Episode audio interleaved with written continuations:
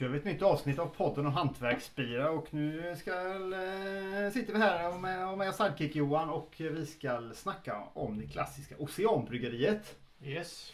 Ligger ju nästan nästgårds härifrån Det är ju också. bara ett stenkast härifrån. Det kan Ja. vara typ en och en halv kilometer kanske. Ja. Något sånt. Precis. Så där har man varit några gånger. Mm. Mm. Verkligen. Och eh, det ska bli kul att snacka lite om dem. Eh, Vi fick ingen representant med oss från bryggeriet. Men vi ska nog kunna klara av det här eh, själva också. Och som hjälp på traven här så har vi ju några av deras öl då givetvis. Vi ska prova idag också. Vi har en, eh, man skulle kunna tänka sig en St. Patrick's Day öl. En Paddy's Day Red. Ocean. Precis. En, en klassisk eh, brittisk ale. En Irish Red skulle den väl gå då. Under stil. Lite alkoholsvagare. Jag vet inte vad exakt den var. 4,3. 4,3 ja, precis. Och för att vi ska få komma rätt mod Johan så tycker jag att vi öppnar den här direkt. Och eh, provar den. Då har vi de ytterst tjusiga nya glasen Rastal Lawrence från eh, Art Glas Vista här. Det- Det är på väg att bli mitt nya favoritglas det här alltså. Efter- De ser inte så stora ut men de sväljer ju ändå, ändå ganska mycket. De sväljer nog en 30, en 40 kanske till och med. Ja. Ja, Fast det ser ut som de skulle bara gå i en 2 deciliter i dem. Men det så blir de väl. Sen har du ju lite konisk form på Ja. dem så att de fångar ju lite aromer också eh, när du häller upp. Precis, de säljs faktiskt som kombinerat eh, öl och whiskyglas. Mm. Fast eh, kan jag tycker nog kanske att en, en whisky skulle ha ännu större kupa kanske. Men 4 deciliter. Räcker inte det? Ja, Du som har varit gammal whiskynörd, du Ja. kanske tycker att det kanske är Nej, i, inte minst, i minsta laget. Nej. Ja, precis. Jag tänker om man, eh, nu går vi lite före då. Nu tjuvsmakar vi ju lite grann på en, en öl redan här då. Ja. Om Man tänker eh, Oceanbryggeriet och deras eh, bakgrund och deras stil har ju varit klassisk brittisk öl. Ända från start. Ända från start ja. Och då eh, har vi ju dessutom med toucher från Irland då. För Mm. att där, där som eh, grundaren till Oceanbryggeriet lärde upp sig eh, genom att arbeta på ett, eh, ett irländskt bryggeri i Dublin. Precis. Vi kommer dit Vi också kommer komma lite dit då. senare också. Men jag tänkte säga med det var ju att eh, så det här är ju och de här tre som jag har här idag så är ju detta den som är deras klassiska signum. En eh, irländsk ale. Lite lägre alkohol. Lite lägre alkohol. Eh, ja, Med precis. klassisk stu- stil. De andra två som vi kommer att prata om sen de är ju lite mer experimentella om man än tänker på vad Oceanbryggeriet brukar göra för typ av öl. Alltså rätt mycket skulle jag säga faktiskt. Ja. De har inte varit, mig vet jag nästan varit i närheten av de stilarna innan. Så att eh, det ska vara jättekul att Men vi prova håller dem. på dem lite grann så vi Ja. avslöjar eh, hemligheterna innan här nu vi kommer dit. En liten cliff får det bli. Jag vill i alla fall smaka på den här Paddy's Day Red. Brittiska, det knäckiga. Men det är lite humle, man känner lite humle, tydlig humleton ändå i den tycker jag. En balanserad beska. Och, Bal- balans mellan malt och, och humle Mm. definitivt. Och du har ju lite, lite bränd eh, touch i den. ja, det har du också. Lite, lite malt-touch. Så det är lite grann som eh, knäck, lite knäck, eh, knäckebröd. Tänker lite Ja, knäckebröd. väl, eh, Ja. lite rostat knäck, eller rostat? Leksands Grädd- brungräddat. Brungräddat ja, Ja, exakt. Den touchen får du. Ja, Den smakar ju så ja, lite. faktiskt, faktiskt. Går vi tillbaka till eh, Oceanbryggeriet då så eh, kom de till, eh, om vi börjar med bryggeriet då, 2007. Eh, då det satt tre polare verkar som med lite olika bakgrund. Varav en var Thomas då som hade bryggeribakgrund. Om man tänker tju- 2007 mikrobryggeri i Sverige. Det är ju ändå relativt tidigt ute i alla fall i Ja. Göteborg. Mm. Jag tror även i hela landet. Jag vet inte om det stod någonstans. Det var inte så många som var igång då. Under 50-talet i alla fall. Ja. Eh, så Och jag tror det i Göteborgsregionen 2007 så var det ju inte många som hade dragit igång på egen hand. Jag vet att Douglas var ju ute tidigt. Mm. Eh, Det var nog kanske lite tidigare än 2007 till och med. Och de var ju bland de första i denna regionen i alla fall. Eh, Och 2007 då betyder att de var lite pionjärer. Verkligen, I alla fall på. Göteborgsscenen. Och jag skulle tro i Sverige då. Men samtidigt vill de ändå brygga en klassisk öl. Utan det var inte så att de skulle ha en experimentell öl direkt liksom. Utan, eh, men de ville ha de stilarna som Thomas då, eh, en av grundarna, eh, är uppvuxen med höll på att säga. Men han fick den inte för modersmjölken. Men det är det, det som lärde honom att tycka om öl. Mm. En hederlig brittisk kask egentligen. Och eh, när vi var på öl och whiskymässan här för några veckor sedan I Göteborg ja. i Göteborg så fick vi ju en liten eh, snackis med, med Thomas. Mm. Där han berättade lite grann hans bakgrund och hur han hamnade där han har hamnat och vad som fick honom att bli intresserad av öl. Eh, och innan då det här 2007 när han startade Oceanbryggeriet så hade han ju faktiskt hunnit med att ta ett antal vändor på olika ställen både i Irland och i andra delar av Sverige där han har liksom lärt upp sig själv eh, Eh, att brygga den här typen av öl. Som vi förstod så eh, var han rätt så frekvent eh, resare till, resenär till, till brittiska öarna på grund av, eller tack vare sitt stora fotbollsintresse. Ehm, och det var också där som han då fick lära sig att uppleva den klassiska brittiska ölen. Arsenal verkar vara det lag som, han, som ligger honom varmast om hjärtat. hjärtat. Det, är ju, det, det är ju säkert inget fel på dem. Nej, säkert. Det går ju bra nu också. Ja, Det precis. verkar som de inte riktigt, riktigt håller, lyckas hålla stången. De eh, har ju lett eh, Premier League egentligen hela eh, säsongen men nu så börjar de ju tappa det är greppet. så. Så City har ju Det kommit tillbaka. det blir väl City nu kanske. Ja, City var ju stort Ja, de får, nu, ja, nu kommer det vara Ja. tajt. Mm. Så att, men de har gjort en, om man pratar Arsenal då, så har de ju gjort en fenomenal upphämtning för om det backar. Förra året var ju hyfsat men Mm. tidigare åren har ju inte varit speciellt lyckade. Nej, det var ett tag sedan. Men, eh, så de har kommit tillbaka starkt. Eh, Men om man backar då till eh, Thomas historia där. Så när han pratade med oss så sa han att i grunden så han skapade ett ölintresse då genom att besöka England och uppskattade ju den eh, pubkulturen som fanns där och att det fanns en annan typ av öl. Det var inte bara en stor stark utan där drack man annan typ av öl och man drack öl på ett annat sätt. Eh, på kanske ett lite mer socialt sätt i den här pubkulturen då. Eh, men eh, så det gick det så långt att han eh, i princip frågade ett irländskt bryggeri tror jag det Mm. var, i Dublin. I Dublin ja. Om det var så, så att han skulle få kunna komma över och hjälpa dem att brygga öl. Jobba, var lite lärling där. Var lite lärling där ja. Och så blev det då. Mm. Så att han flyttade över då till Irland och Mm. Jag tror det var Dublin han är Dublin, började ja. till och med. Precis. Eh, och började jobba där på ett av de här bryggerierna. Mm. Under en av dem, eh, en ikonisk bryggmästare där. Ja, där var han i två och ett halvt år. Ja. Vi lärde sig allt. Så där blev det ju en liten plantskola då. Eh, och egentligen skola då i brittisk och framförallt irländsk ölkultur och de stilarna. Och hur de använder råvarorna på sitt sätt då. Eh, mycket brittisk öl är ju mycket mer maltdriven och det är ju så vi känner igen Oceanbryggeriets öl också idag. Ja, fast ändå med en härlig balans mellan Mm. malt och, och beska. Den blir ju oftast inte... Så här, du kan ha en maltdriven öl så kan du få den kanske lite söt om du inte balanserar upp Mm. den schysst med beskan. Och det tycker jag oftast de lyckas med. Du får ju inte en, en maltig söt öl utan du får ju en balanserad öl där både malten och, och beskan kombineras. Ja, de har ju varit- sätt bry- rätt så tidiga bryggde de ju sin Golden Ale och den är ju just som du säger balansen eh, är en signum för stilen. Ja. Eh, verkligen. Um, sen så fick han eh, chans att jobba på ett annat bryggeri och, de hade även hade pub och där berättade Thomas att de hade, det var 2500 invånare och fanns 32 pubbar i den här lilla hålan. Så att som sagt och precis som du sa tidigare där ett helt annat sätt att umgås kring öl. Mm. Än vad som fanns i eller funnits och kanske inte, det finns ju inte i Sverige heller. Det, Nej. det sättet Nej. idag. Och det, det har vi pratat om några gånger tidigare lite grann det här med just eh, brittisk öl. Framförallt att den i regel är ju mycket alkoholsvagare Mm. än de ölen som, som vi dricker här. Eh, det är det första och sen så är den ju balanserad men den tar också lite grann baksätet. Eh, den, den sticker inte ut. Det, alltså, vi- vissa, om du tänker kanske vissa iper, apor och nejper, de bombar ju högt och lågt. Mm. De tar ju väldigt stor plats liksom. De ska ju dominera konversationen. Faktiskt. Medan en, en, en brittisk ale tar ju lite grann mer baksätet. Och det kan jag tänka mig, vi har pratat om tidigare och filosoferat kring det. Så finns det kanske en idé kring det att det är egentligen inte ölen som ska vara snackisen utan det är ju sällskapet du träffar. Mm. Och ölen ska ju bara vara en social eh, dryck. Som man har i det här sammanhanget men det är inte den som ska stå i centrum.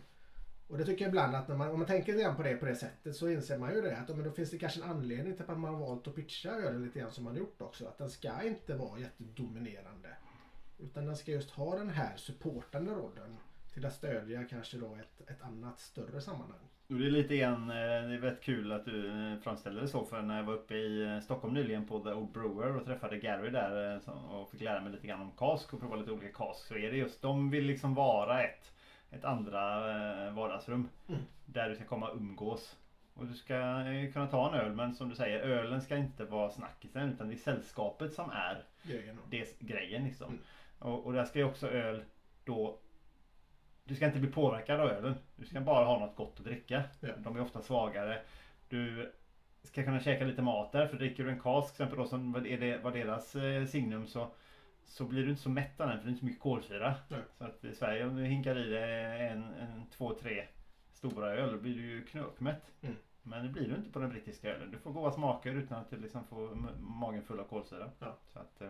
och det som jag tycker också är lite kul med, med just brittisk öl är som du säger att de är ju fortfarande väldigt smakrika. Mm. Eh, fast lite mer subtila. Eh, så att vill du inte anstränga dig känna smakerna så får du en schysst helupplevelse. Men mm. de finns där bakom om du mm. faktiskt tar dig manken och mm. analyserar ölen lite grann. Och det som är lite kul att du har ju ändå en alkoholsvag öl då, i vissa fall mellan 3,8, 4,2, 4,5. Oftast under 5 procent i alla fall. Mm. Eh, så mellan 4 och 5 oftast då. Men där du ändå får eh, ut mycket smaker från råvarorna. Eh, medan om du tar på andra spektrat så känns det ibland som att vissa ölstilar går åt helt åt andra hållet. Det blir bara mer av allt. Det blir mer humle, det blir mer malt, det blir högre alkoholhalt bara för att liksom hela tiden amplifiera smakupplevelsen. Det ska bli bredare och större hela mm. tiden.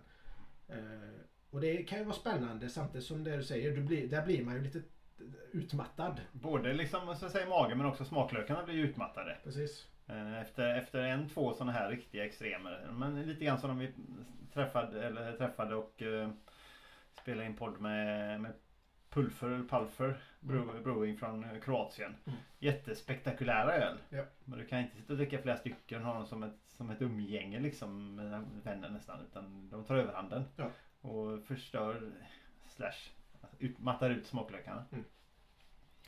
Men nu när vi sitter och suger lite grann där på den här paddyn. Mm. Vad heter den nu då? Ja, nu ska vi vinkla om den så du ser det här. Paddys Day Red. När man sitter och suger lite grann. Vi pratade om den först. Du, du fick en bra balans med allt eh, beska, lite rostade toner, lite knäckebröd sådär. Mm. Men jag tycker nu den kryper fram lite citrus också. Ja. Ser du det? Ja, faktiskt lite citrus. Så den, det, det kommer lite grann med beskan där. Det faktiskt har lite citrus. Efter en liten, stund så man ja. har vant sig med den så kommer, kryper den fram en mm. liten citruston, en liten mm. citruskaraktär på den. Det är klart att det höjer ju fräschören lite grann på den också. Ja men det gör det helt klart. Helt klart. Eh, efter eh, äventyret ute på eh, Irländska sjön, eller på, på Irland, så tog sig Thomas Bingebo vidare till Jämtlands bryggeri. Och eh, det är ju ett annat bryggeri som är vida känt för sin klassiska öl idag. Mm. Även om de har börjat experimentera med vissa koldipa och någon kommit med någon haze precis i dagarna. Ja. Så är det klassisk öl som är deras grej också. Ja. Så att där byggde han på sin erfarenhet också då. Ja. Och eh, där har vi ju gjort ett, ett tidigt eh, poddavsnitt eh, där vi testade lite Jämtlandsöl. Var det nummer, nej, nummer två? Var det nummer två? Mm. Det är kanske inte ett av de avsnitt vi är mest stolta över i serien. Nej, men ändå. Ja, precis. Jag var, det var faktiskt någon ny lyssnare som hörde av sig här nyligen och Eh, i samband med att vi släppte här om hembryggning med ja. Fregatten Brewery. Och jag, han hade lyssnat på de tre senaste sa han. Ja. Och jag sa det var bra att du började i den ordningen. Ja. Inte i andra. ja men så är det ju med allting. Alltså, eh, det är tråkigt om man inte utvecklas. Ja men sen lite, lite av grejen är väl att det ska vara lite halvkass i början så att det bara kan bli bättre. Det är klart. Det är ju så. Men i alla fall när vi provade dem där då var det ju eh, ganska klassiska ölstilar. Även som vi provade. Även om det var liksom, det var fortfarande, det var faktiskt en IPA. Det var en, ja men det var Jämtlands vanliga IPA. Ja, och så var det en, en belgisk. En belgisk dubbel. Och, och så sen, var det deras Mystic Pilgrim som också är en brittisk eh, ale av något slag. Så det var ju inte brittiska öl överlag men det var ju klassiska ölstilar ja. som, de, eh, som vi testade då. Verkligen.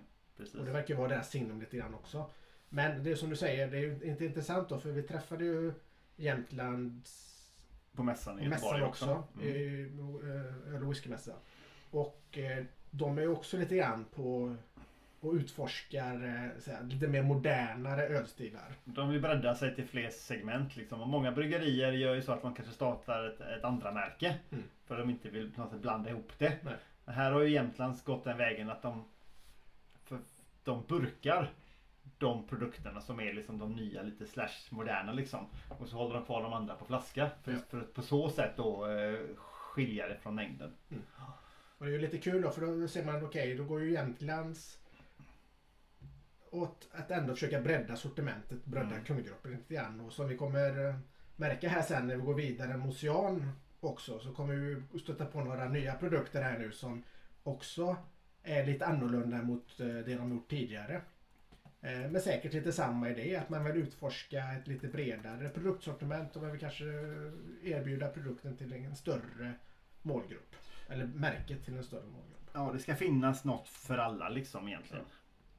Ehm, 2007 var det då som sagt var som de... eh, Så då var vi i Jämtland, var han en sväng Ja, förlåt. Ja, och, precis. och, och, och jobbade där lite grann. Och sen när jag pratade med honom på mässan så fick jag intrycket att det fanns en period mellan Jämtland och starten av Ocean där han Mhm. var tillbaka en sväng i Irland. Eh, men det låter jag vara lite osagt men var det jag fick lite grann eh, berättat för mig från hon- honom då. Mm. Men oavsett om det var så eller inte så 2007 då så landade han här i Göteborg. Precis. Och då, eh, nu eh, håller de ju till i Mölndal här i en väldigt ändamålsenlig eh, lokal som de själva har beställt och byggt. Eh, Men de började faktiskt brygga, köpte bryggverk och byggde ett bryggeri i Lyckholms eh, gamla lokaler i Göteborg. Var är vi då någonstans? Ja, det är lite gårdar någonstans, eller åt det hållet. Mm. Det stod inte Lyckholms här, man åker förbi på leden. Efter Ja, den här eh, möbelbutiken, så Kurt Olsson satt på taket. Ja, den stora stolen. Ja, I soffan. i soffan. Ja. Där någonstans ser det väl Lyckholms, eh, om inte jag missminner mig. Ja, okej. Så att eh, flytten till eh, Mölndal eller Åby här var inte så värst lång. Nej. Men vad sa du då? Så att de, de körde där 2007. 2007 och 10 år höll de på där. Ja, så det var 2017 de flyttade ut till Mölndal. Precis. Så 10 år byggde de upp verksamheten då Ja. på den första adressen. Här. Första adressen ja. Mm. Stämmer bra det.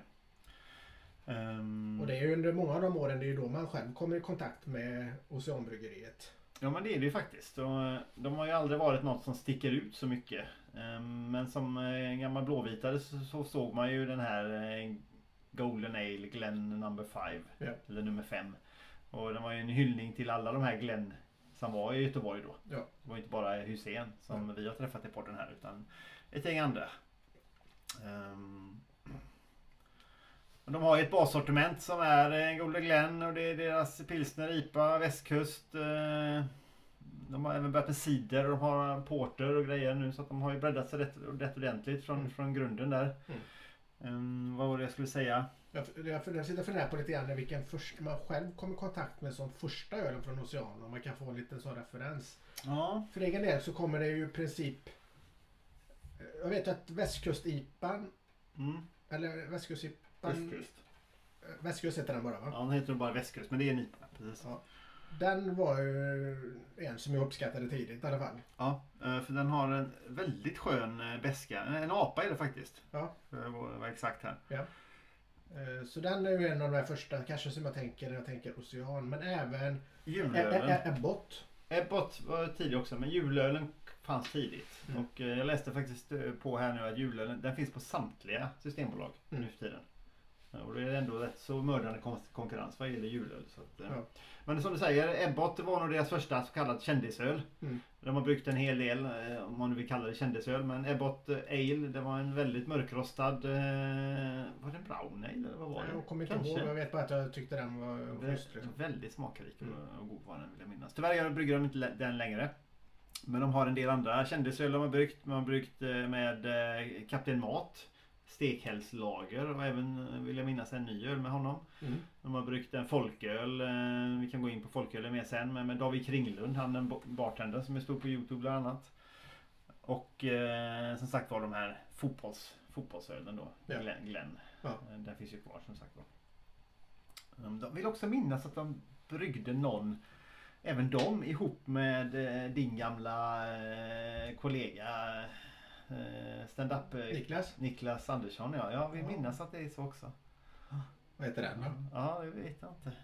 Eh, Han kallar sig medelmåtta från Hisingen men det kommer inte passa in på inte den. jättebra, jättebra Nej, namn precis. på en produkt i och för Precis. sig. Eller det har han ju på sig själv. Han Ja. har väl sin egen produkt. Medelmåtta från Hisingen. Går man in på Systembolaget nu så har de 18 olika öl i produktion där så det är ju faktiskt eh, starköl då. Mm. Mm, det är ju schysst. Men om du tar eh, någon mer där som man skulle kunna... Som Ja men det är ju deras julöl. Eh, kanske ingen mer av dem som, det är, och det är Golden Glen då. Mm. Som sagt också. Vi testade ju påskölen eh, just ihop med Glenn senast. Ja. Den uppskattar han ju jättemycket också. Ja, och där måste jag säga att den tyckte jag faktiskt var väldigt, väldigt bra. Det var väldigt bra. Eh, jag vet inte om jag har druckit deras öl, påsköl tidigare men jag vet Nej. att de ändrade den lite grann inför denna säsongen va? Var det inte så? Jag tror de justerade eh, det receptet lite Mm. grann. Och jag tycker att eh, när vi provade den, och vi drack ju den även på påskafton tror jag? Ja precis. Eh, så tyckte jag faktiskt att den var väldigt, väldigt bra. Normalt sett brukar vi ju ha Oppegårds där. Ja, Eller vi hade det vi hade fortfarande. det också. Men jag tycker nog att Ocean stod väl upp Alltså, i, i den bataljen. I min mun så var den till och med ännu vassare än Oppigårds i år. Ska jag säga. För jag tycker brukar ranka Oppigårds otroligt högt deras Easter Ale. Ja, det är ju lite referensram med både Ja, julöl och påsköl tycker jag. Men, Verkligen. men Verkligen. nej, jag håller med där att uh, Oceans eh, påsköl eh, kom ut med flaggan i topp Ja. i år faktiskt. Eh, vi har ju snackat lite grann om i tidigare avsnitt om att eh, det är sjuka mängder öl som kom, kommer ut i tillfälliga sortimenter från en del bryggerier. Mm. Eh, om vi jämför det här, eh, jag såg fram lite statistik från Systembolaget där, det var förvisso då två år sedan, men 2021 då. Då hade vi Stigberget och någon mer som släppte 40 Mm. eh, unika. På ett år. På ett år ja, Mm. precis. Det är nästan ett i veckan. Liksom. Mm. Och, eh, men då låg ändå Ocean på 15. Mm. Så att, eh, det är ändå en hel del. Ja. Trots allt. För att vara ett klassiskt bryggeri. Ja. Så har man ändå liksom eh, inte hakat på den trenden till fullo givetvis. För du brygger inte de mest populära stilarna. Men, eh, men eh, du har ändå eh, pushat ut nya produkter kontinuerligt. Mm. Och de är väldigt vassa på sin folköl. De gick ju, började tidigt ha en folkölsshop. Bra pris. eh, nu, ta en låda 24 öl för eh, 240 och kanske det var på den tiden. Mm. Och mycket olika stilar där också. De har haft porter, de har haft iper och aper och olika lager. Men alla är 2,8. Eh, om det är för att de anser sig vara så duktiga på att brygga lågalkoholöl eh, så är det också fördelaktigt för skattemässiga eh, skäl. Mm. Och jag har många gånger varit där och köpt en låda med, med blandade öl faktiskt. Ja. kan man få sig en bra stund med Thomas eller någon av de andra. Ja. Mm. Och det är ju lite kul också att man ändå kan, att det är tillgängligt. Som du säger, att du Precis. kan åka dit och du kan handla produkter, i det här fallet då folköl, eh, direkt på bryggeriet och ha en chans att ändå få en kontakt med de som jobbar där. Och de är ju oftast intresserade också av att eh, prata med sina kunder för att få lite input eh, ifrån ja, både vad man tycker och tänker och vad man har för idéer och vad man gillar för öl. Ja Och, men så är det. Och, eh, men, men stöter du på Thomas så får du se till att ha en stund på dig. Ja. För det, han är väldigt pratsugen när det kommer till de här bitarna. Ja. De säljer också givetvis lite fräcka glas. Som eh, pintglas när jag sett några gånger här och eh, lite merch med kepsar och väsk, tröjor och sånt där. Mm. Det är grymt. Du, eh, medan vi eh, babblar vidare så ska vi faktiskt gå på nästa öl och då ska vi passa på att presentera den också för det är en nyhet för oss och den är förhållandevis ny med. Den kommer här under våren från Oceanbryggeriet. En eh, singelhopp-IPA som vi tror då, nej den går fan med som apa den med du. Mm. Ja. Vai Iti. ja, precis. En nyzeeländsk humle. Och eh, direkt där då kom jag in i en liten intressekonflikt. För att eh, om du då klassificerar den som en apa, som en American Pale Ale. Då är ju tanken att du har amerikansk humle i den. Ja. Men nu har du en singelhopp med enbart nyzeeländsk humle. ja. Så vad ska du kalla den då? Då är du ingen apa egentligen. Nej. Utan det kanske är då en, vad var det vi sa, en nypa. En nypa sa du Ja. ja. Med nyzeeländsk humle då. Så en pale ale med nyzeeländsk humle blir ju mer en, en, en nypa än en, en apa då kanske. Får vi säga det till, eh, till Oceanbryggeriet att vi har eh, en nya slogan Ja. färdig här. Ja, vi har skapat en ny ölstil då. Mig Eller, Det vetligen, har ju de gjort det Det har ju de gjort, bara hitta på ett eh, fondnamn på den. mig vetligen har de inte bryggt något sånt här innan men eh, jag kan ha fel. Såklart. Eh, så det ska bli riktigt spännande den är lite, lite oklar faktiskt. Ehm, Och om man tänker på den här, jag tittar lite grann på den humlen ska vi se. Eh, vad sa du att den hette nu då? Waiti. Vaiti, ja precis. Den, den påminner lite grann om Citra enligt, eh, enligt Oceanbryggeriet själva. Ehm, Så eh, om man eh, slår lite grann på den då så är den ju delvis då den då i Nya Zeeland. Eh, och den är ju en eh, aromatisk humle med citron, lime, mandarin Ja. som kännetecken. mhm. Eh, relativt ny humlesort. Den har låg alfasyra, vilket betyder att den har en ganska låg beska. Eh, så att i grund och botten är det ett, en, en aromatisk humle. Men eh, de har valt den i det här fallet som singelhopphumle så att eh, och enligt dem själva då så har den ändå tillräckligt mycket beska så att du ska kunna använda den både tidigt i koket och som Som aromhumle. aromen slut. Och ändå få med dig någon form av Mm. beskprofil. Mm. Eh, Men det ska bli intressant att se hur, hur mycket det slår igenom då. Och de har använt den här enbart eh, brittisk malt också. Ehm, av yppersta kvalitet. Så att eh, den ska ge lite citrusfrukter. Citron, lime, grapefrukt, mandarin då. Och eh, den används ofta då för att göra vår och sommarale. Så då kan man ju tänka sig att Ja, den kanske är lite lättare. Lite karaktär. lättare ja. Den, är, den blir inte så besk då. Och den är 4,7% så den är lite lättare i så att säga alkoholhalten också. Och det är lite kul med, med just Nya Zeeland och till viss del Australien också då. Att de är ju på ganska stark frammarsch när det gäller eh, modern humle då. Och eh, mycket av deras humle går ju att korsa ganska mycket med amerikansk humle. För de är ju relativt lika i sina smakprofiler. Men jag tycker ibland när du hittar kanske i, eh, i en del nyzeeländsk humle i alla fall att du får även lite så här syrligare touch. Eh, jag vet att de, vissa har ju lite eh, passionsfrukt eh, liksom karaktär, gröna krusbär. Mm, mm. Eh, som kanske går lite mer åt, inte bara citrus utan lite mer eh, syrlig då. När jag doftar på den här tycker jag nästan den doftar lite som dina berömda eh, torkade aprikoser. Alltså. Mandarinen. Ja, kanske. Kanske det som gör det. Jag måste väl säga att det är lite åt det hållet faktiskt. Ja, du får ju en, eh, själva doften som du säger det är ju att eh, den, du, du får ju en, en, en eh, fruktdoft i den. Fast den faller ju mer som du säger kanske åt den här eh, Ja, mandarin är ju inte helt fel Nej, faktiskt. men jag sa ju Du tänker att den, den är ju, den är ju inte, den, den doftar ju inte syrligt. Nej, gör den Utan verkligen. den doftar ju mer mogen frukt egentligen. Fast det är ju inte som ett eh, plommon eller Alltså ingen mörk frukt utan det är ju fortfarande en eh, Någon fräschör i det på något Ja, sätt. mer en ja, apelsin, Citrus, mandarin, eh, clementin Ja. istället för en, eh, en citron eller en lime. Nej, vi får smaka på den också. Ja, spännande. Ja, jag tycker definitivt eh, doften kom fram. Och slås direkt av att den har en rätt så låg, eller förlåt inte alkoholhalt utan en kolsyrahalt. Vilket också är liksom, den brittiska stilen lite grann. Mm. Ja, den var, så, var också väldigt balanserad. Precis, men nu känner du att beskan eh, den är låg, har låg beska. Mm. Mm. Definitivt. Då förstår man ju Verkligen. att den här eh, att den eh, att humlen, om man singelhoppat den så så är det ju en, en aromatisk humle. Så att det, det märker man ju i karaktären på ölen. Jag känner det är någon doft eller smak som träder fram lite grann bakom. Jag vet inte om det är malten som får lite mer spelutrymme när bäskan är låg än den här. Känner du det? Mm. Jag lyckas dessutom sniffa in öl i näsan först så att det sätter sina spår ibland också. Den har inte den typiska apa-smakprofilen. Verkligen Det vill inte. jag inte alls säga. Utan ehm, jag tycker nog mer som, som var inne på den här kanske mandarintouchen eller den Mm. typen av eh, smak eh, finns ju där även. Inte bara doften utan även i smaken. Eh, ci- citrus, lime kommer inte fram lika mycket. Men jag skulle säga att den är otroligt eh, fräsch Ja, att dricka här. Ehm, och inte alls så tung som en del andra kan vara. Nej, riktigt. eh, nej precis. Den har ändå en viskositet, alltså Ja. en fyllighet Ja, i sig. munkänslan är schysst liksom. Precis. Men utan den ändå var den 4,8 4,7 ja, precis. 4,7 procent. Så att jag tycker ändå precis, du upplever den inte som, den är inte vattnig eller, eller, eller, eller blaskig på det sättet. Nej, Även om den inte då kanske har så hög väska, eh, kanske inte bombar smaker på det sättet. Så är den ju fortfarande välbalanserad och som du sa, eh, skön munkänsla. Lättdrucken. Verkligen, verkligen.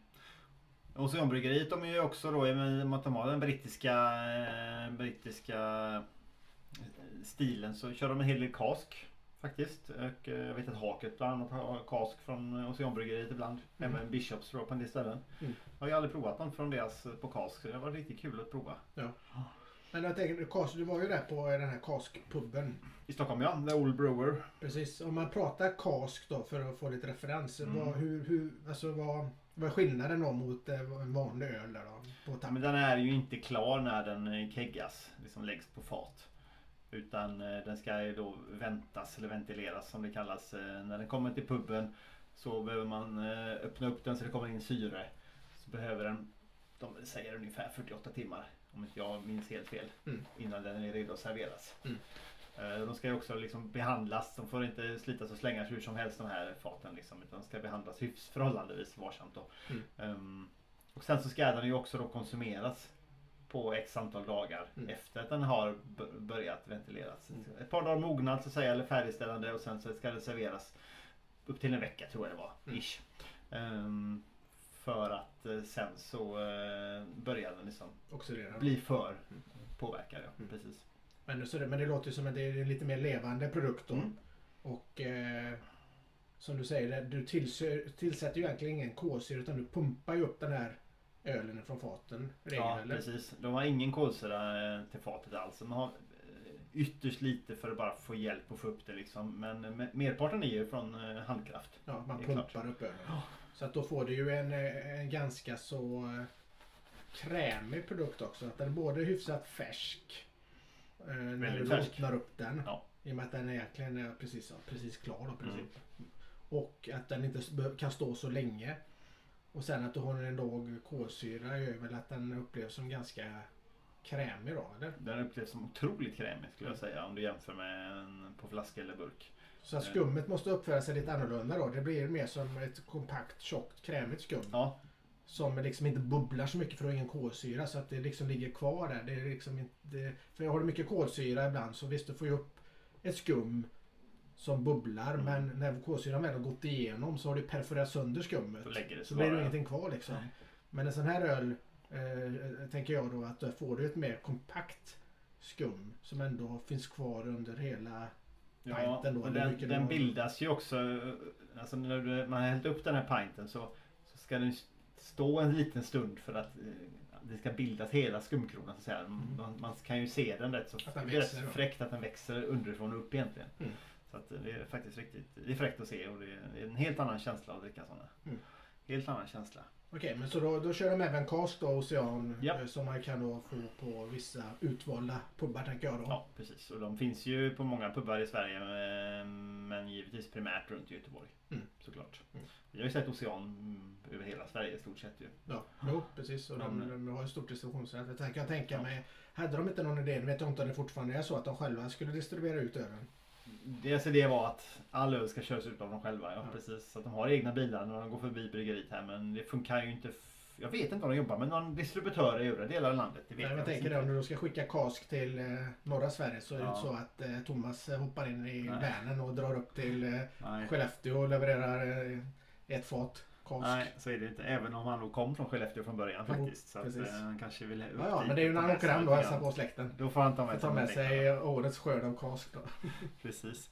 Vad vet vi mer? Oceanbryggeriet. De har, de har ett, eh, inget taproom som du kan gå och besöka. Men de har en eventlokal där som man eh, går på bokade mm, ölprovningar. De har eh, en eh, helg, lördag i månaden. Har de öppet. Mm. Köper man sin biljett. Och så går man dit och så får man köra lite ölprovning, rund, rundtur och så är det lite ost och chark och sånt där också. Mm. Jag har varit där på en eller två gånger på det och det, det är schysst faktiskt. Mm.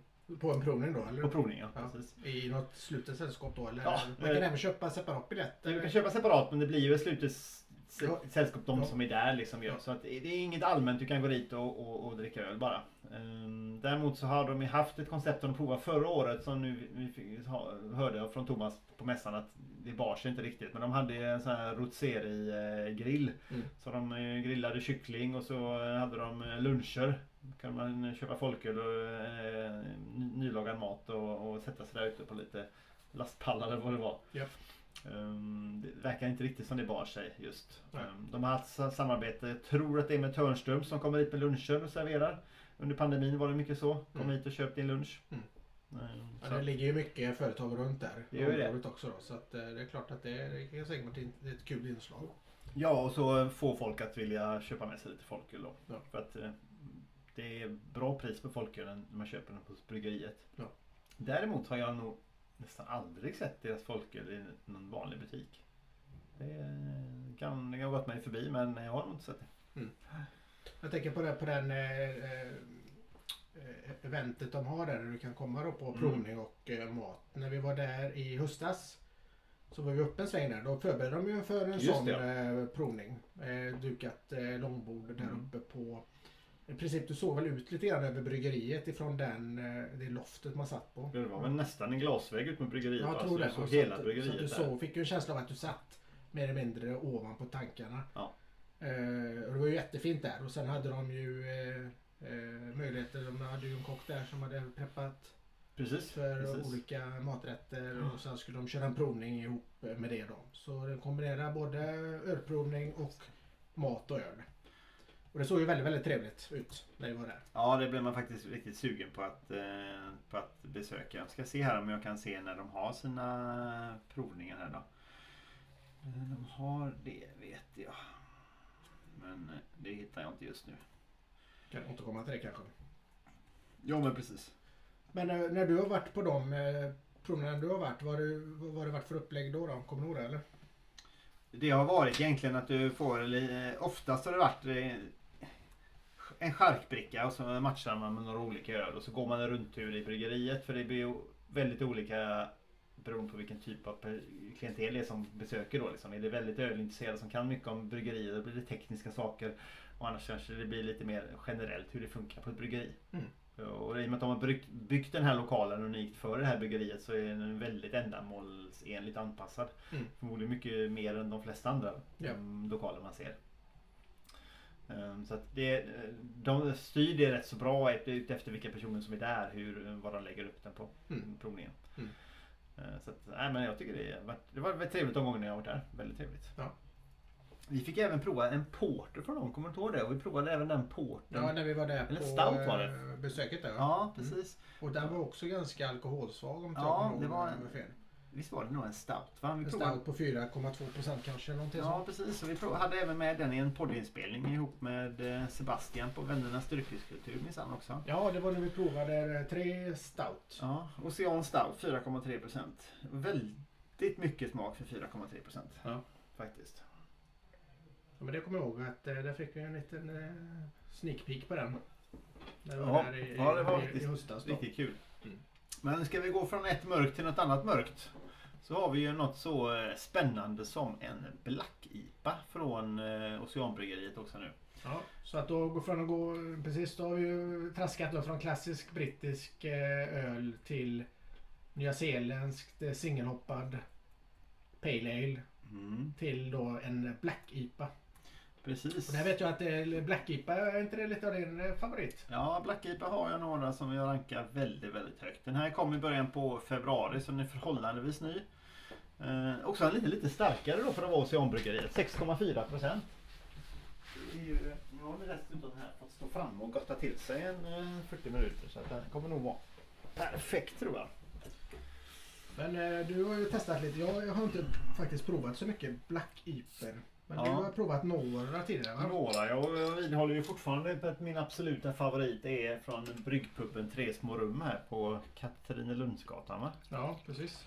Eh, Det är nog faktiskt min favorit. Eh, Han gör en egen eh, Han Black brygg- IPA där. Alltså. Ja, han brygger ju mycket öl där i ja, 3,5 meter från bardisken är ju hans signum. Så 3,5. Um, den var lätt, lätt rökig också den Black IPA. Den tyckte jag var väldigt, väldigt trevlig. Så att i grunden och botten så har du en, eh, en IPA i amerikansk stil då. Om man tänker en Black IPA som, som ölstil. Eh, men den har ju då mörk färg. Men den ska då sakna oftast brända aromer. Så att du har ju mycket av den här eh, amerikanska IPA-touchen. Eh, du kan ju få mycket av det, kanske citrus, kanske lite tallighet, lite fruktaromer och sen så har du ju då eh, lite chokladtouch kanske. Lite rostade toner men inte för mycket bränd smak. eh, det är Eh, stil. Det är stildefinitionen Ja. Eh, sen så kan man väl lita på vad man vill där ute efter. Men eh, om man ska kategorisera den som Black IPA så bör man ju ligga någonstans där. Och någonstans 5,5 till 7,5 procent. Och den är då på, sa du, 6,4? 6,4. 6,4. Jajamensan. Så då faller den ju inom alkoholrangen också då. Och den är framförallt citra som jag använder här, skriver eh, bryggaren. Ja. Så att eh, det ska bli riktigt trevligt. Och har ett härligt sån här eh, lattefärgat eh, skumkrona. Riktigt, riktigt trevligt. Alltså, de här glasen gör det så jäkla snyggt de här. Den, är, ju- den, är, den här är verkligen svart. Den har ju inget, Det finns ingen- inget ljusgenomsläpp alls på den. Du kan inte tycka att den är rödbrun den som du vill. Nej, det är den, omöjligt, Den är liksom. bara svart. Så den eh, absorberar ljuset. Men jag tycker man får en liten citrusaktig doft i den ändå. Samtidigt som det blandas med det här lite rostade. Mm. Kraftigt rostade men. Precis, men den, precis, du får ju lite Mm. rostade toner. Mm. Lite choklad. Ja. Eh, touch eh, Lite sticker fram choklad också i doften. kanske, Definitivt. ja, jäklar vad spännande. Citrusen eh, som du sa eh, lättar ju upp eh, Ja, förköra doft- lite grann ja. doftprofilen. Det är inte ofta, jag fick ju lite diller där på Black IPA och beställde hem ett gäng eh, olika svenska små Black IPor men eh, jag har inte riktigt varit någon som jag fastnat för det supermycket för. Nej. Förutom den då på Tre små rum då. tre små rum. Men det låter nästan som att det får bli en retour där på något sätt. Ja. För jag har ju inte upplevt den. Nej, Får väl precis. se om man lyckas och producera Ja. en sån igen då. Han har ju inte alltid den heller såklart så man får ju kolla med honom när han har den. När han har den inne. Ja, det är ju annars med belgostuk på Tre små rum. De är väldigt, han är väldigt belgo-inspirerad. Han har ju det här fantastiska eh, Heineken Free Zone som han har på dörren då. Ja. Ja, Men eh, har man vägarna runt Göteborg så är det ju definitivt ett ställe som är värt att mm, göra ett besök på. verkligen. Eh, han har ju mycket, och som du sa, mycket olika sorter tillgängliga. Mycket belgisk öl. Mycket belgisk. Han har till exempel alltid, eh, finns ju några Västfleten som står där om man skulle vilja pugga upp med några kronor också liksom. Mm. Och mycket är ju så gammalt så kanske inte går att dricka längre men det blir en del av eh, inventarien nästa inredningen. Ja, i- puben också. Mm. Nej, vi dyker in på den här Johan. Black Keep alltså. Du känner rostigheten men du känner citrustonerna rätt så ordentligt. Precis, så du känner med bäskan eh, sticker fram. Ja. Men inte, ja men det är inte västkustaktigt beska liksom. Nej. Men, men chokladtonerna, känner du att det blir lite krämigt eller? Ja, det blir krämigt. Så att du får lite krämig chokladtouch på den. Lika krämigt som skummet ser ut att vara. Rostade toner definitivt. Ja. Skulle nog säga att den är lite bränd ändå faktiskt. Mm. Skulle säga. säga Så där går den nog kanske ifrån eh, så här man tänker om man skulle vara stiltypisk då. Eh, så kanske den är lite, lite, lite mer bränd än vad man skulle tänka sig. Ja, Men, men jag tycker inte det faktiskt- stör, definitivt inte. Nej, verkligen inte. Utan eh, men på det sättet så får du den kanske lite mer åt ett, eh, ett stout. En stout känsla på Ja, faktiskt. Och han eh, skriver här bryggan till och med själv att han kanske blir någon korsning mellan stout och IPA. den. Ja, Eh, när väl resultatet blev. det, precis slutresultatet ja. Precis. Mm. Ja, precis. Men det kan jag hålla med om att du har ju chokladheten finns där, krämigheten finns där. Eh, rostade toner finns där men lite, lite bränd touch. Mm. Du kanske skulle vilja tottat upp eh, IPA-stuket på den, kanske. Men det är så svårt att avgöra också hur mycket beska som ligger bakom när det blir mycket smak. Ja, det, de lappar ju över varandra på något sätt. Men den är ju torr definitivt. Den är Det känner du nu väldigt torr i, lagt i slutet. Ja. Att den, den är torr så att den har inte mycket restsötma. Eh, men en schysst eh, mun, eller en eh, munkänsla Mm. och en fyllighet. Oceanbryggeriet är ett av de bryggerierna som då håller sig till sina flaskor. Både 33 och eh, 50 centiliter. Även om de har ändrat designen lite grann. Framförallt på 50-flaskan. För den, kommer du ihåg den gamla Ebbot Ale? Den var inte riktigt... Den var såg ut som en torped i flaskan nästan ju. Mm. Flaskformen. Det heter säkert något annat än torpedflaska. Tror jag. Eh, De har också... En eh, torped, jag menar att det är lite mer Y-formad eller att det inte är så bullig. Ja precis men den har inte den här långsmala halsen utan den gick... Ja, att den var, den var mer som Komisk, den liksom. 33-flaskan. Ja, fast som det 33-flaskan, bara ja. upp, upp, upp, upppottad. Ja precis, lite grann så. De har ju också sagt, eh, investerat i solceller borta på Oceanbryggeriet. Jag vet inte om de har installerat den så länge men de är investerade i alla fall. Ja, för att, ja, eh, coolt. och jag vill minnas att det skulle tillgodose minst 50% av energibehovet där jäklar. borta. Ja. När så- var det, vet du när de gjorde det? Nej, jag läste om det för något år sedan så att eh, det var innan den här energikrisen slog till. Ja. Vill jag minnas. Så det, det är ändå rätt kul att de, att de satsar så mycket. Ja. Eh, Jag menar den, den lokalen där kan ju inte heller vara helt billig. Så att, eh, Nej, nej, nej. Det lät ju som att när de gjorde flytten eh, 2017 att det var ju ändå en, eh, en eh, väsentlig investering. Mm. Men samtidigt som du sa tidigare, de passade ändå på att bygga den lokalen efter deras behov. Så att den anläggningen de har idag är ju väldigt väl anpassad ut efter hur de vill bygga, lägga upp bryggeriet hur, de, hur deras eh, produktionspipeline ser ut och hur de vill arbeta i bryggeriet. Precis och då kan det ju också vara så att man kan spara mankraft på att man har optimerat lokalen. På så sätt kommer man undan med en annan en löpande kostnad som är lite lägre kanske. Mm. Det har vi inga detaljer på alls men, eh, Det är en spekulation helt enkelt. ja, men det är ack så viktigt. Ja. Men eh, solceller, det låter ju spännande. Det är nästa som jag skulle vilja gå tillbaka där och köra en liten check på hur det funkar och vad de får för utväxling på det och så. Ja, Om de har fått igång den anläggningen. är du duktig på det? Inte Solceller? solceller i sig, inte, det vill jag inte påstå. Men eh, man kan ju prata om det i alla fall. Absolut. Det kan jag tänka mig att det ligger, borde ligga i, i intresse och linje för många fler som ändå har möjlighet att göra investeringen och göra den grejen. Särskilt om du kan driva kanske minst 50% av din eh, energiåtgång Ja, via egen producerad el. Då. verkligen. Sen så behöver du ha gas också i regel. Men eh, för att kunna ändå få upp den effekten du behöver för att hålla så stora volymer kok igång. Precis. Ja men så är det ju verkligen.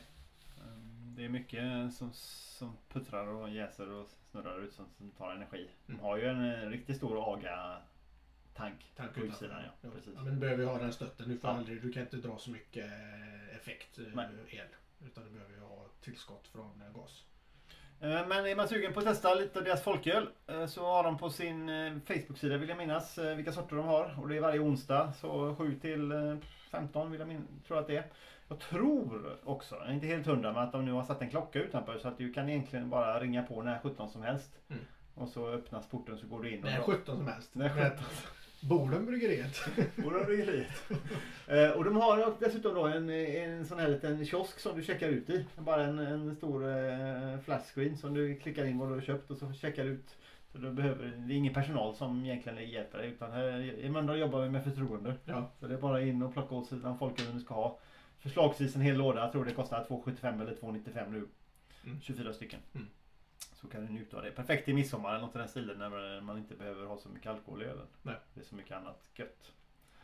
Och, och, och, och det här med lite grann som folkölsshop. Det är ju ett koncept som eh, i alla fall här i Göteborg har poppat upp på ganska många olika bryggerier nu. Verkligen. Eh, De flesta eh, som är i alla fall lite större och som har någon form av folkölsrepertoar har ju också en folkölsshop. Ja. Antingen är det upp- oftast öppet vissa dagar i veckan, vissa tider då. Ja för det drar ju ändå folk från produktionen oftast då. Men det har de ju kommit undan med här på eh, Ocean för att de eh, har ju så, nära som det går i alla fall automatiserat att inte någon man behöver ha någon som hjälper dem. Vilka andra har du varit på? Du har varit på Göteborgs Nya har ju, har ju en eh, shop. Göteborgs Nya har Eh. Göteborgs Nya pushar tyvärr inte riktigt så mycket som de skulle kunna för sitt, eh, sin folkhögskap. Ja. De har varje torsdag och de har nog bara mellan typ 12 och 15 och sådär. Mm. Eh, Stigberget har inte varit på bryggeriet utan bara på Shangri-La. Mm. Puben som också säljer deras folköl. Är det den som ligger uppe på Stigbergstorget också eller? Ja, nästan uppe på Stigberget. Du ser den från leden. Stort, ja, kanske om du vet att det, Ja, vet det syns inte att det är en krog. Nej. Är det den som är lite... Det ser lite ruffig ut som Ruffig. Ja. Det står bara sprayat Shangri-La på ett staket. Ja. Eh, Fermenterarna har ju hos sig sin folkhögshop eh, en gång i veckan vill jag minnas, kanske två också. Mm. Nu framåt sommaren tror jag det öppnar också. Ännu fler. I Gårda har ju Bearded Rabbit sin. eh, Det finns olika tider, jag kan inte dem i huvudet men. Nej. Så rätt många i alla fall. Ja, så de, de flesta som har i alla fall lite större produktion Ja. Eh, och folkölssortiment och självklart eh, har också även eh, en folkölsshop då. Absolut. absolut. Men Men Som du nu, säger att visst det är begränsade tid och man vill ju kanske inte offra för mycket personal på att göra det. Samtidigt så är det ju det är ju en intressant väg att kunna ändå komma närmare sina kunder. Ja. Om du kommer dit så kan du ändå få en inblick i verksamheten som kund men även en, kanske diskutera med någon som jobbar där kring ja, Antingen så köper du ölen och går därifrån eller så pratar du med dem Mm. om ja, allt med himmel och jord men oftast öl då. och eh, jag tänker under pandemin så var det en viktig inkomstkälla för eh, bryggerierna. Ja. Eh, väldigt viktig. eller när folk inte gick på krogen och drack deras öl. Så att, eh, verkligen. Och det är ju lite kul, det finns ju en folkölspodd, eh, Folkpodden. De har ju lyckats nu få ett samarbete ihop med ICA i Åkered. Mm. Eh, som har väldigt mycket folköl, de har varit Ja. väldigt duktiga på folköl under lång tid. Ja, de var tidiga med det. Eh, Väldigt tidiga. Ica i Ja. Åkered. Att de hade sin folkölsdisk där. Eh, långt innan många andra eh, snappar upp Verkligen. eh, den idén. Mm. Definitivt. Så att, och de har fått ett samarbete med dem så det är väldigt kul faktiskt. Ja. Men som sagt jag har inte sett Ocean ute med några butiker än så länge. Så att de kanske säljer så bra via sitt bryggeri. Mm. Så det räcker. Mm. Vem vet. Ja, vi hoppas att vi får möjlighet att prova några fler nyheter sen av Oceanbryggeriet. Eller komma några framåt sommaren. Ja. Gör det ju alltid. Definitivt. Har du några här som du inte har provat? Vi kan kika lite snabbt här. Jag har inte provat deras Bohemian Lager. Som jag, en liten... Den här är ju spännande. En mellanmörk lager. Polyt Mavi. Ja, det, är- det är en stil. Vadå för stil? Ja, den får jag nästan kolla upp för den är lite speciell den. Okej. Vad hade du med på listan här då? Vi har mer eh, deras eh, Ocean brittiska IPA. Den har jag provat. Den är faktiskt riktigt trevlig. Den ser också ut att finnas i den gamla flaskan som jag pratade om innan. De blir alltså okto- oktoberfest också. Eh, den ser jag fram emot att prova. Framåt hösten. Ja, fan, då är det ju långt dit. Ja, det var ju ja. hela sommaren emellan. Ja. ja precis. Kan inte längta efter oktoberölen redan liksom. Ja, men, men det är ju ett stort fel på den här oktoberölen. Den säljs i 33-flaska. Det finns ju ingen oktoberöl som ska drickas i 33 Vad centiliter. ska du ha en stövel Det måste vara halvliter. Ja, det är, Köpa en stövel. Det En, en gammal och en hävd. halv liter. jag har gammal hävd. Eh, nu har jag slått upp då eh, på den eh, Polyt Mavi. Vad är, vad är en östeuropeisk? Ja, det är en mellanmörk lageröl ursprung Tjeckien. Jaha. Eh, brödig rostade aromer, tydlig beska. Och eh, ordet betyder då antagligen på tjeckiska halvmörk. Och är en ölstil från Tjeckien då. Mm. Och eh, färgen är ljusbrun till brunorange. Eh, ölstilen har beskrivits som en hybrid mellan mörk lager eh, och eh, rostade chokladtoner med en ljus pilsner och dess friska humlebeska. Ölet är tydligt inspirerad av tyska Malzen. Men är ofta beskare och eh, med mer humlekaraktär än den tyska stilen. Då. De har lärt sig något nytt idag också. Ja. Spännande, spännande. Har vi något Men mer att vet, säga? eh, apropå tjeckisk öl, om det här var någon blandning då mellan mörk och ljus öl. Ja.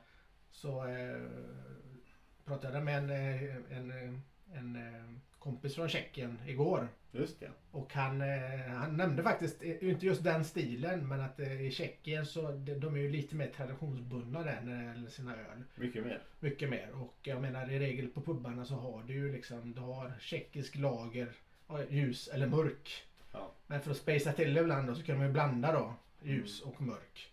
Och då hade de ingen riktigt namn på det. Men det låter lite grann Faktiskt. som att det här skulle kunna vara en, en hybrid av just det. Mm. Att du blandar eh, ljus och mörk ölstil och skapar liksom en, en, en ny sort då.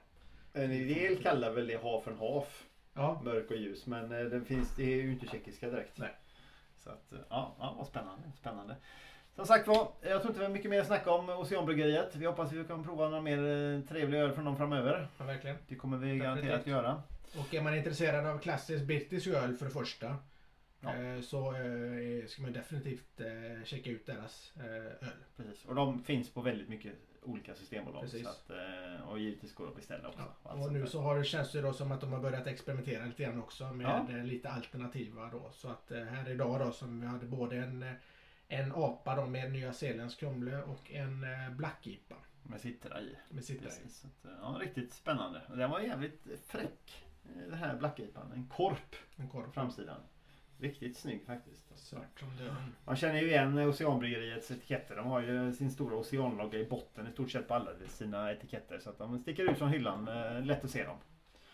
Och så kör de ständigt mörkbruna flaskor. Mm. Sidekick Johan, tack så Yes. mycket för pratstunden och eh, provningen av tre öl från Oceanbryggeriet. Ja, ha det gött. Ha det så gött. Hej då. Hej.